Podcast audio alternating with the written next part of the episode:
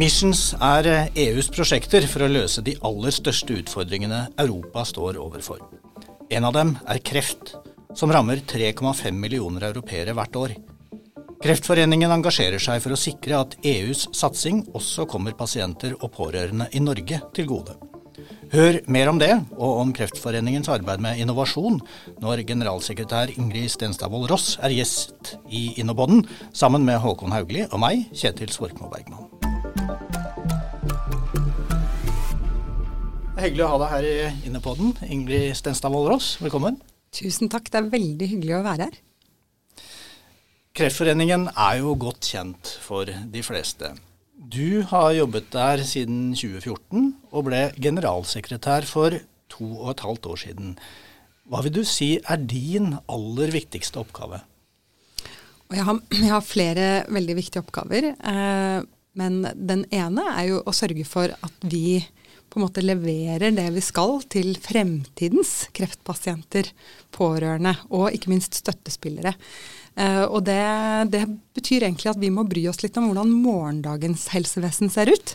Uh, hvordan vi leverer uh, helsetjenester i fremtiden. fordi vi er ganske gode på det i dag, og de fleste tror at vi kommer til å være veldig gode på det fremover også. Men jeg tror bærekraften til helsevesenet vårt er litt i spill. Eh, fordi vi blir flere og flere som får kreft. I dag er det 35 000 nordmenn som får den beskjeden du har kreft. Eh, og i 2030 er det 10 000 flere hvert år. Og det gjelder jo bare for kreft. Ikke, ikke bare for kreft, mener jeg. Det gjelder for alle andre sykdommer også, som øker med økende alder. Og det betyr jo at vi skal ha mange flere pasienter inn i vårt uh, helsevesen i fremtiden. Og så kan vi ikke bare ansette flere leger og sykepleiere og helsepersonell. Eh, og da må vi bry oss litt om hvordan dette ser ut fremover. Hva slags eh, medisiner, hva slags behandling, hvordan får pasientene behandling, hvordan ivaretar vi pårørende.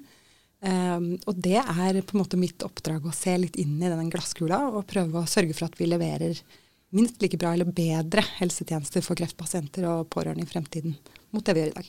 Mm. Og hva, hva, gjør du da? Hvem, hvem samarbeider du med? Nei, vi gjør jo veldig mye. Vi for det første så finansierer vi jo forskning. Eh, Kreftforeningen eh, finansierer en tredjedel av all norsk kreftforskning. Eh, vi har, står for en tredjedel, Forskningsrådet står for en tredjedel, og RUF-ene står for en tredjedel. Og sånn rundt regnet så betyr det at vi finansierer 250-300 millioner kroner i året til norsk kreftforskning. og det er gaver gitt fra folket. Så det er rett og slett det folkelige engasjementet for saken som bidrar til disse, disse inntektene til kreftforskning. Eh, og forskning er jo i seg selv en aktivitet som prøver å løse morgendagen bedre, eller legge dette puslespillet, da.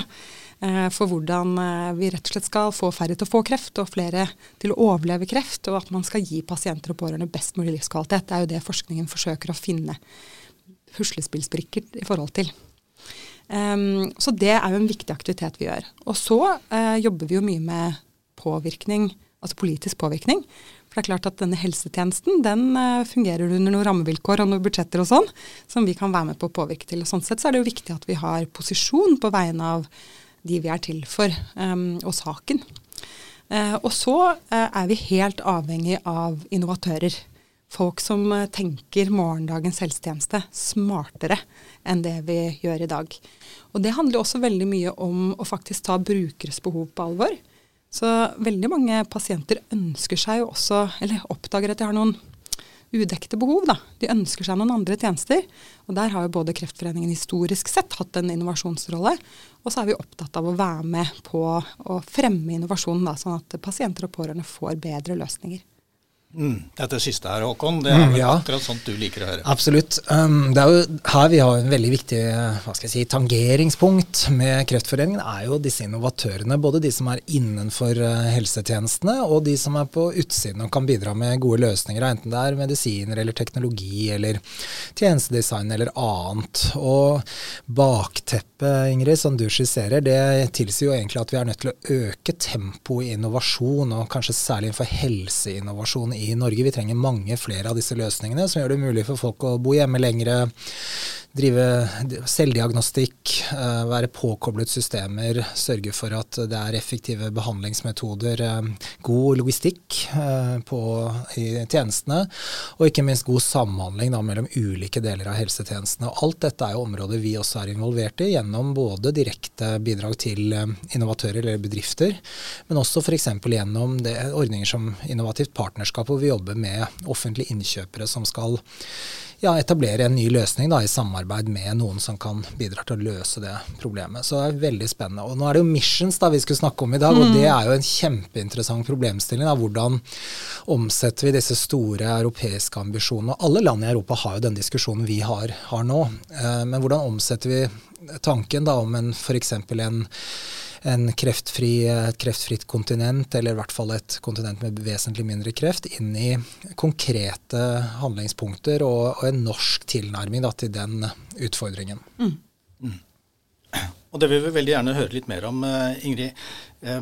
Kreftforeningen har altså vært med på å beskrive og påvirke hvordan denne mission som, som EU har, som de kaller Mission on Cancer, mm. hvordan den ble utformet. Mm. Fortell litt om hva dere har gjort. Ja, altså vi har i grunnen vært med helt fra start. Min forgjenger Annelise Ryel hun satt i det som het et mission board, da, som var med på å lage selve oppdraget. Dette er jo samfunnsoppdrag. Eh, hvor man rett og slett sier at man skal forbedre livene til tre millioner europeere berørt av kreft innen 2030. Så det er både helt konkret hvor mange liv som skal forbedres, eh, og ikke minst så er det en konkret tidsakse på det. Så det er jo et offensivt eh, samfunnsoppdrag. Eh, og det var Annelise Ryhl med på å, å forme i sin tid.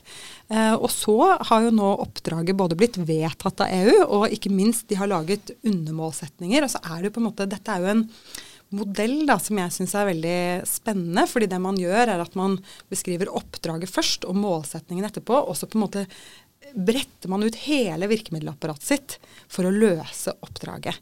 Og det er en litt annen tilnærming enn det sektortenkningen som vi kanskje er vant til, i hvert fall på kreftfeltet. Da er vi vant til at det er Helse- og omsorgsdepartementet som gir et oppdrag til Helsedirektoratet eller til eh, Folkehelseinstituttet, ikke sant? og så går på en måte oppdraget i sektor. Men for en kreftpasient, hvis du skal forbedre livet til en kreftpasient, så kan det like gjerne være at man trenger bedre oppfølging fra Nav eller en annen måte å delta i samfunnsliv og arbeidsliv under og etter kreft, som at det handler om helse. Sånn at det å faktisk se på et sånt oppdrag og spørre seg hva er det som forbedrer liv da, når man er berørt av kreft? Hvilke virkemidler, hva slags policyendringer, hva slags politikkutforming trenger vi da? Hvor mye forskning trenger vi? Hvordan skal de forskningsmidlene lyses ut? Hva slags type innovasjon trenger vi?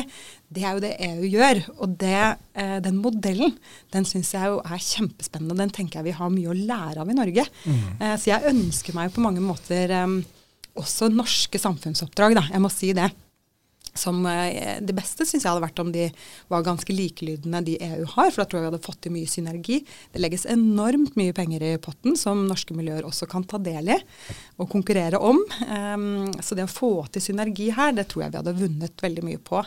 Men mest av alt så håper jeg jo på politikere som faktisk kikker litt på denne modellen da, og ser om ikke vi skal dit. At vi etter oppdrag, og så bestemmer vi oss for å bruke hele virkemiddelapparatet for å nå oppdraget. Og virkemiddelapparatet der er jo mye bredere enn det vi i Norge snakker om som virkemiddelapparat, da, som type Forskningsrådet og Innovasjon Norge. Men det vil typisk handle om andre departementer enn de som normalt er inne på helseområdet. Det kan handle om hele alle kommunene, det kan handle om eh, altså lovgivning osv. Det er det som er en mission, er at man setter en, et mål, en retning, og så skal man bruke hele si, samfunnsstrukturen kanskje, da, for å bidra til det målet. Jeg syns også det er et interessant sånn observasjon som du har hatt, Ingrid Ingrid, som er at dette handler jo også om at innbyggerne i, i Europa da, skal oppleve at forsknings- og innovasjonsinnsats har betydning for dem i deres liv. Og at det er en viktig driver for den type samfunnsoppdrag. Jeg tror EUs erkjennelse har vært at for mange da, så er Selv om alle forstår verdien av forskning og innovasjon, så er det ofte fjernt fra deres egne liv. Så det å bygge det tettere sammen og si at dette her gjør vi for at færre mennesker skal få kreft, eller få raskere behandling dersom de får kreft, det er en måte å bringe forsknings- og innovasjonsuniverset da tettere på folk. Og det er veldig viktig med alle disse missions, er faktisk det. At det handler om når vi snakker om smarte byer eller annet, så handler det om at det er på innbyggernes premisser, og at forsknings- og innovasjonsinnsatsen skal rettes slik at den gir eh, bedre livskvalitet og resultater for oss som bor i Europa. Og Her er det masse å lære. Jeg er veldig enig i det også. Jeg tror den metodikken er veldig overførbar til Norge også. Vi har noen ganske gode eksempler på liksom, noe mission likt i Norge.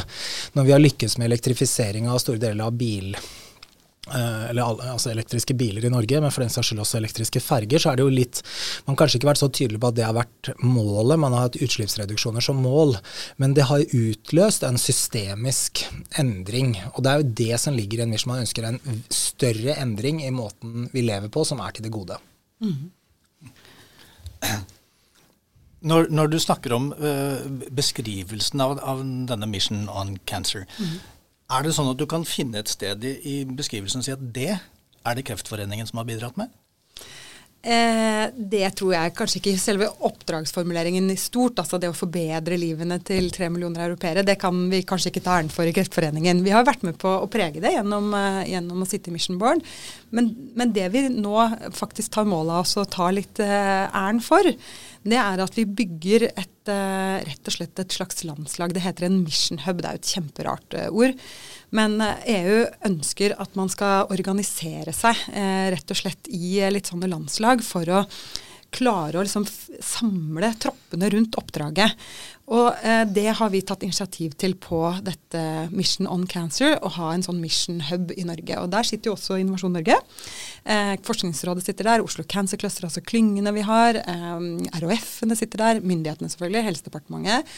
Eh, og Kreftforeningen. Og eh, en av de tingene som vi eh, helt klart bidrar med der, det er flere ting, men en av de er jo faktisk denne borgerinvolveringen. Fordi vi um, bruker jo da bl.a. så har vi i Kreftforeningen et brukerpanel med et par tusen pasienter som har sagt seg villige til å svare på våre spørsmål. Det er vel fantastisk. Og vi bruker det brukerpanelet til å stille spørsmål om uh, uløste forskningsbehov. Uh, vi bruker det til uh, å rett og slett medvirke til innovasjonsprosesser. Vi skal etter hvert ut og ha sånne folkemøter rundt i landet for å snakke om missions, hva det er, og hvordan det kan påvirke folks liv. Hvorfor, det, hvorfor Kreftforeningen gjør dette, og hva som er på en måte de udekte behovene. Og Sånn sett så eh, ønsker vi å bidra til eh, at også norske miljøer i større grad rett og slett tar en litt mer brukersentrert tilnærming, da, både til forskning og innovasjon.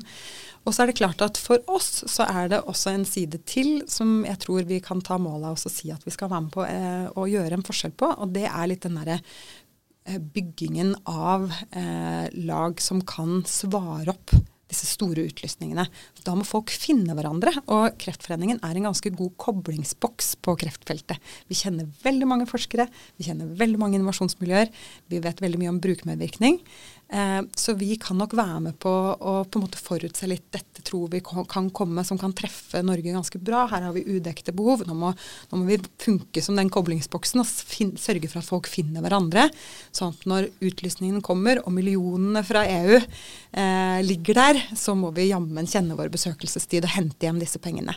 Det tenker vi at vi skal gjøre en forskjell på. Uh, millionene fra EU, det er jo faktisk snakk om milliarder fra ja. EU. I, I, første omgang, så vidt jeg skjønner, ca. 4 milliarder euro. Helt bortimot 40 milliarder kroner. Det er mye penger. Det er ekstremt mye penger. Men hva kan man få til for det? Og jeg har forventninger til at vi skal få til ganske mye. De beste miljøene i Norge henter nok midler fra EU uansett, uavhengig av hva vi gjør. Men vi eh, tror at vi har noen fortrinn og noen ting vi bør eh, fokusere på. En av de tingene er faktisk AI og kreft, altså kunstig intelligens og kreft. Um, der skal vi ha et seminar uh, senere i høst i Kreftforeningen. Um, fordi vi ønsker å samle miljøene som kan AI, og som kan kreft, og så vise dem hvilke muligheter som vi tror kommer uh, i EU på dette området. Uh, og der tror vi at vi kan ha et fortrinn. vi har noen virkelig eh, spennende norske selskaper. Dumor f.eks. Eh, på dette. Vi har andre også. Um, og ikke minst, vi, vi må løse flaskehalsen i helsetjenesten. Det er i veldig stor grad patologi og røntgenbilder og sånn, ting som egner seg for kunstig intelligens, det er også flaskehalsene. Det er de tingene som der det ofte stopper opp og blir ventetid og sånn i diagnostisering. Så her tror vi at vi kunne løse noe viktig. Og et annet sånt område, det er digital hjemmeoppfølging.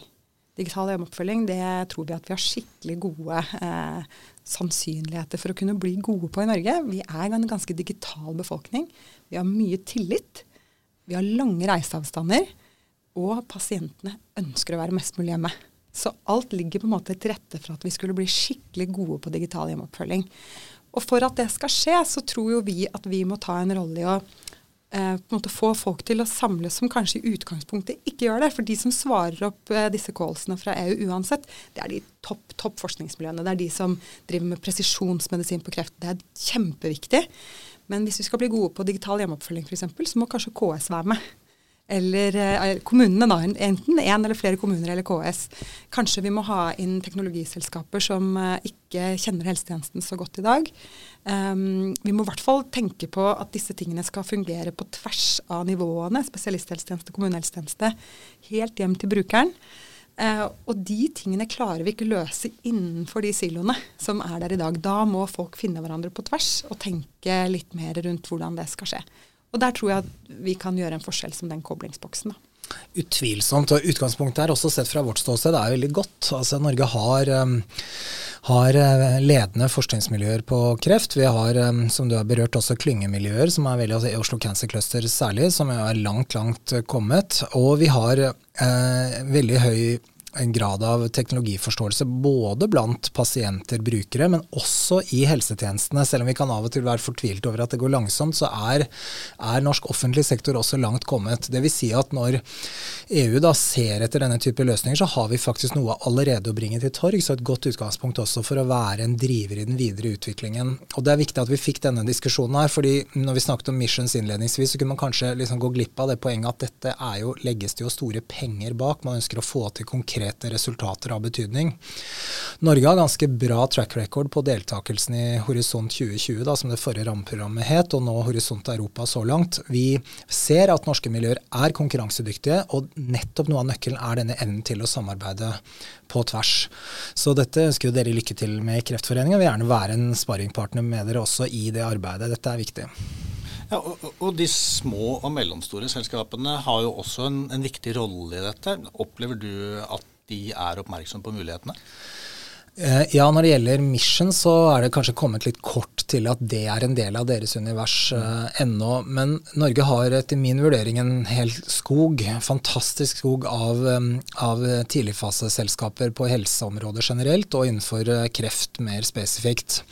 Uh, mange av dem strever med å skalere, både i Norge og internasjonalt. Og jeg tror dette verktøyet vi nå snakker om, en, kan være en del av en sånn skaleringsreise for en bedrift. Da vil de i partnerskap med andre få både testet ut og, uh, og, hentet inn erfaringer fra andre som de ellers kanskje ikke ville fått, eller jeg vil våge den påstand de ellers ikke ville ha fått.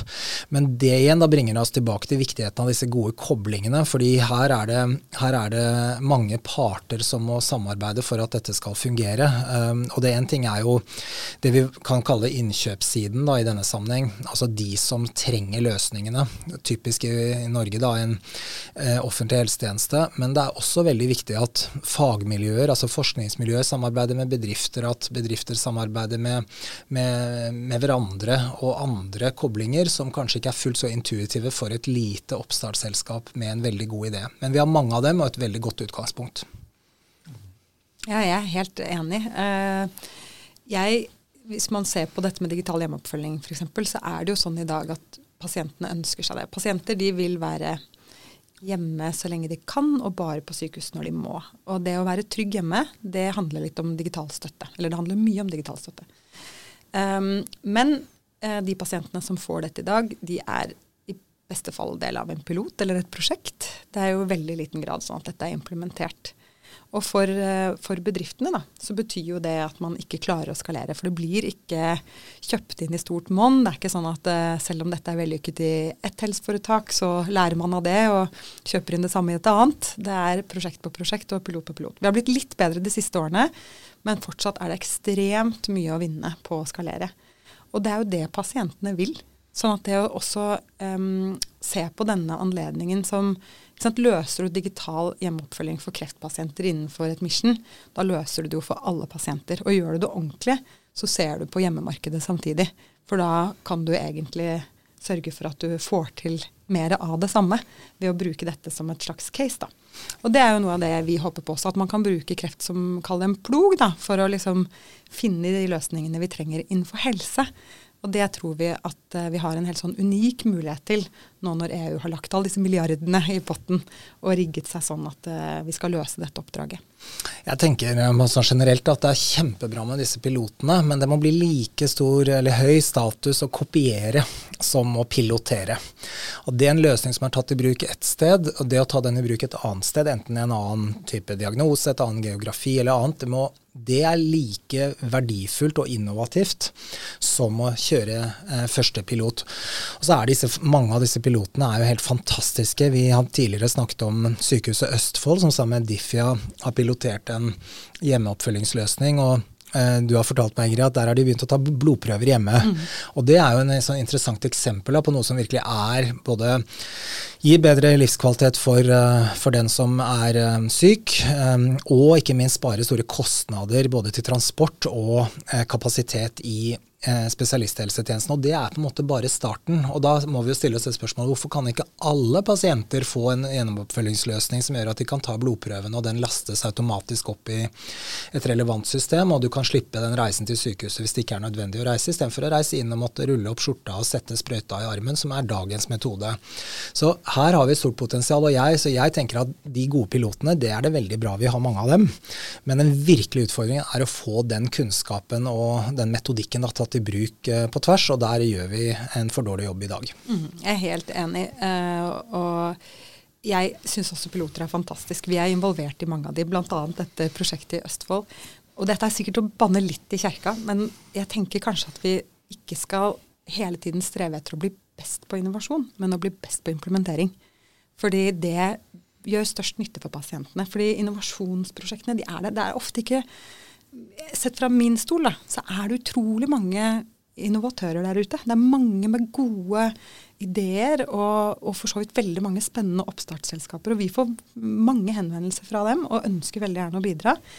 Men utfordringen er jo faktisk å ta mål av seg på å bli best på å implementere. For det er først da pasientene får dette som løsninger de kan stole på. De vet at dette er en del av det tilbudet jeg kommer til å få. Jeg vet at jeg kan være hjemme med de jeg er glad i, og bruke mest tid der. Og det er viktig. Eh, så jeg håper jo på en måte, selv om det sikkert er litt feil å si det akkurat her, så håper jeg at vi blir best på implementering, da. Min favorittdefinisjon av um, innovasjon, da, det er nytt, nyttig og nyttiggjort. Og det, i det siste ligger jo det du tar opp nå. Det hjelper jo ikke at noe både, verken, bare er nytt og nyttig. Det en pilot er både ny og nyttig. Hvis den ikke tas i bruk og ikke skalerer, og nyttiggjort er faktisk en viktig del av innovasjonen, det også, at det faktisk tas i bruk, og da i bruk i bredden. Eh, så det, vi, vi er nok helt enige om dette.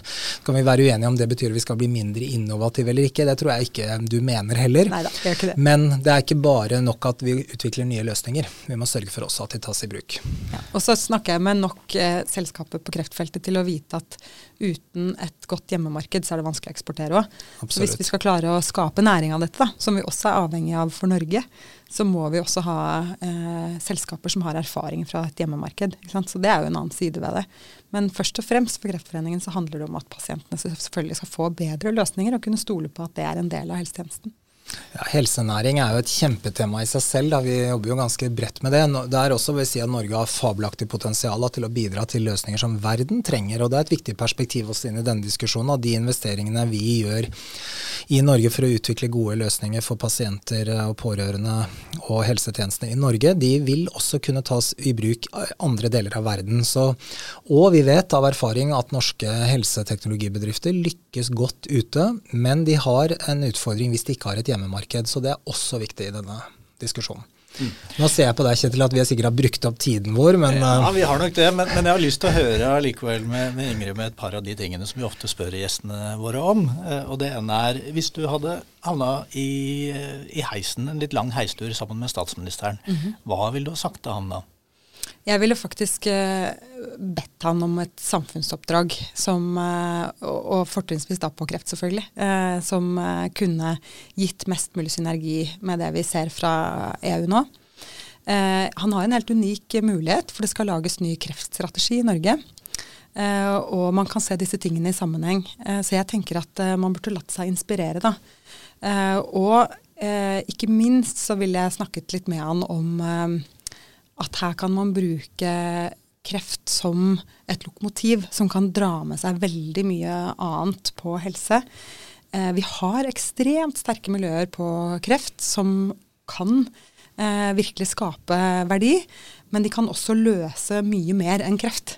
Eh, og, og, det finnes det veldig mange gode eksempler på. Altså, det er jo sånn at eh, alle disse covid-vaksinene eh, de står på skuldrene av kreftvaksiner. Og mye av kreftvaksineforskningen har foregått i Norge. Sånn at eh, vi eh, Det er ikke sånn at et helsefelt står liksom isolert. Kreft står isolert. Eh, forskningen er jo heldigvis sånn at man, eh, man, står på skuldrene til hverandre, og man løser mye mer enn en bare, bare, kreft, da, hvis man fokuserer på det. Så det ville jeg jo absolutt bedt han om å kjenne sin besøkelsestid i forhold til. La seg inspirere av metodikken til EU, fortrinnsvis på kreft, og bruke anledningen når man skal lage en ny kreftstrategi til å, til å tenke helhetlig. Mm. Og så har vi snakka mye om innovasjon, og, og, det handler jo veldig mye om mennesker og inspirerende mennesker. Hvem inspirerer deg? Og det er mange som inspirerer uh, meg, men faktisk så tror jeg noe av det som uh, stadig gir inspirasjon i min jobb, uh, det er alle de menneskene som er med i kreftforskning. Ikke bare for sin egen del, men for at det skal bli bedre for nestemann. Og de treffer jeg hele tiden. Pasienter som sier ja til å være med i en klinisk studie, som sier ja til å bidra i innovasjonsprosjekter, som sier ja til å, til å liksom være med. Og nesten alle sammen sier at jeg ønsker å være med. Jeg håper selvfølgelig at det gir meg en gevinst, men mest av alt så håper jeg det blir bedre for de som kommer etter meg. Og det er, det, så, det er så mange sånne menneskemøter for meg, og det gir ekstrem motivasjon til å være med å løse fremtidens kreftomsorg. Mm. Ja, det er, det er, motiverende, Håkon. Veldig. Jeg blir jo veldig glad for å høre det. Det gir meg jo optimisme på vegne av både kreftdiagnosen, helsetjenestene og menneskeheten, vil jeg si. Vi er jo heldigvis skrudd sammen sånn at vi ønsker å bidra. bidra og det, det, gjør også inntrykk at du forteller om dette, og hvilken kilde til motivasjon det er. Ingrid, veldig hyggelig å snakke med deg. Mye, vi har en jobb å gjøre foran oss. Vi gleder oss til å samarbeide om den. Enig. Tusen takk for at du kom i dag. Tusen takk for meg. Takk for at du var gjest her i Innopoden. Eh, generalsekretær i Kreftforeningen, Ingrid Stenstadvold Ross. Og takk til Håkon Haugli. Mitt navn er Kjetil Svorkmo Bergman. Vi høres igjen om ikke så lenge i Innopoden.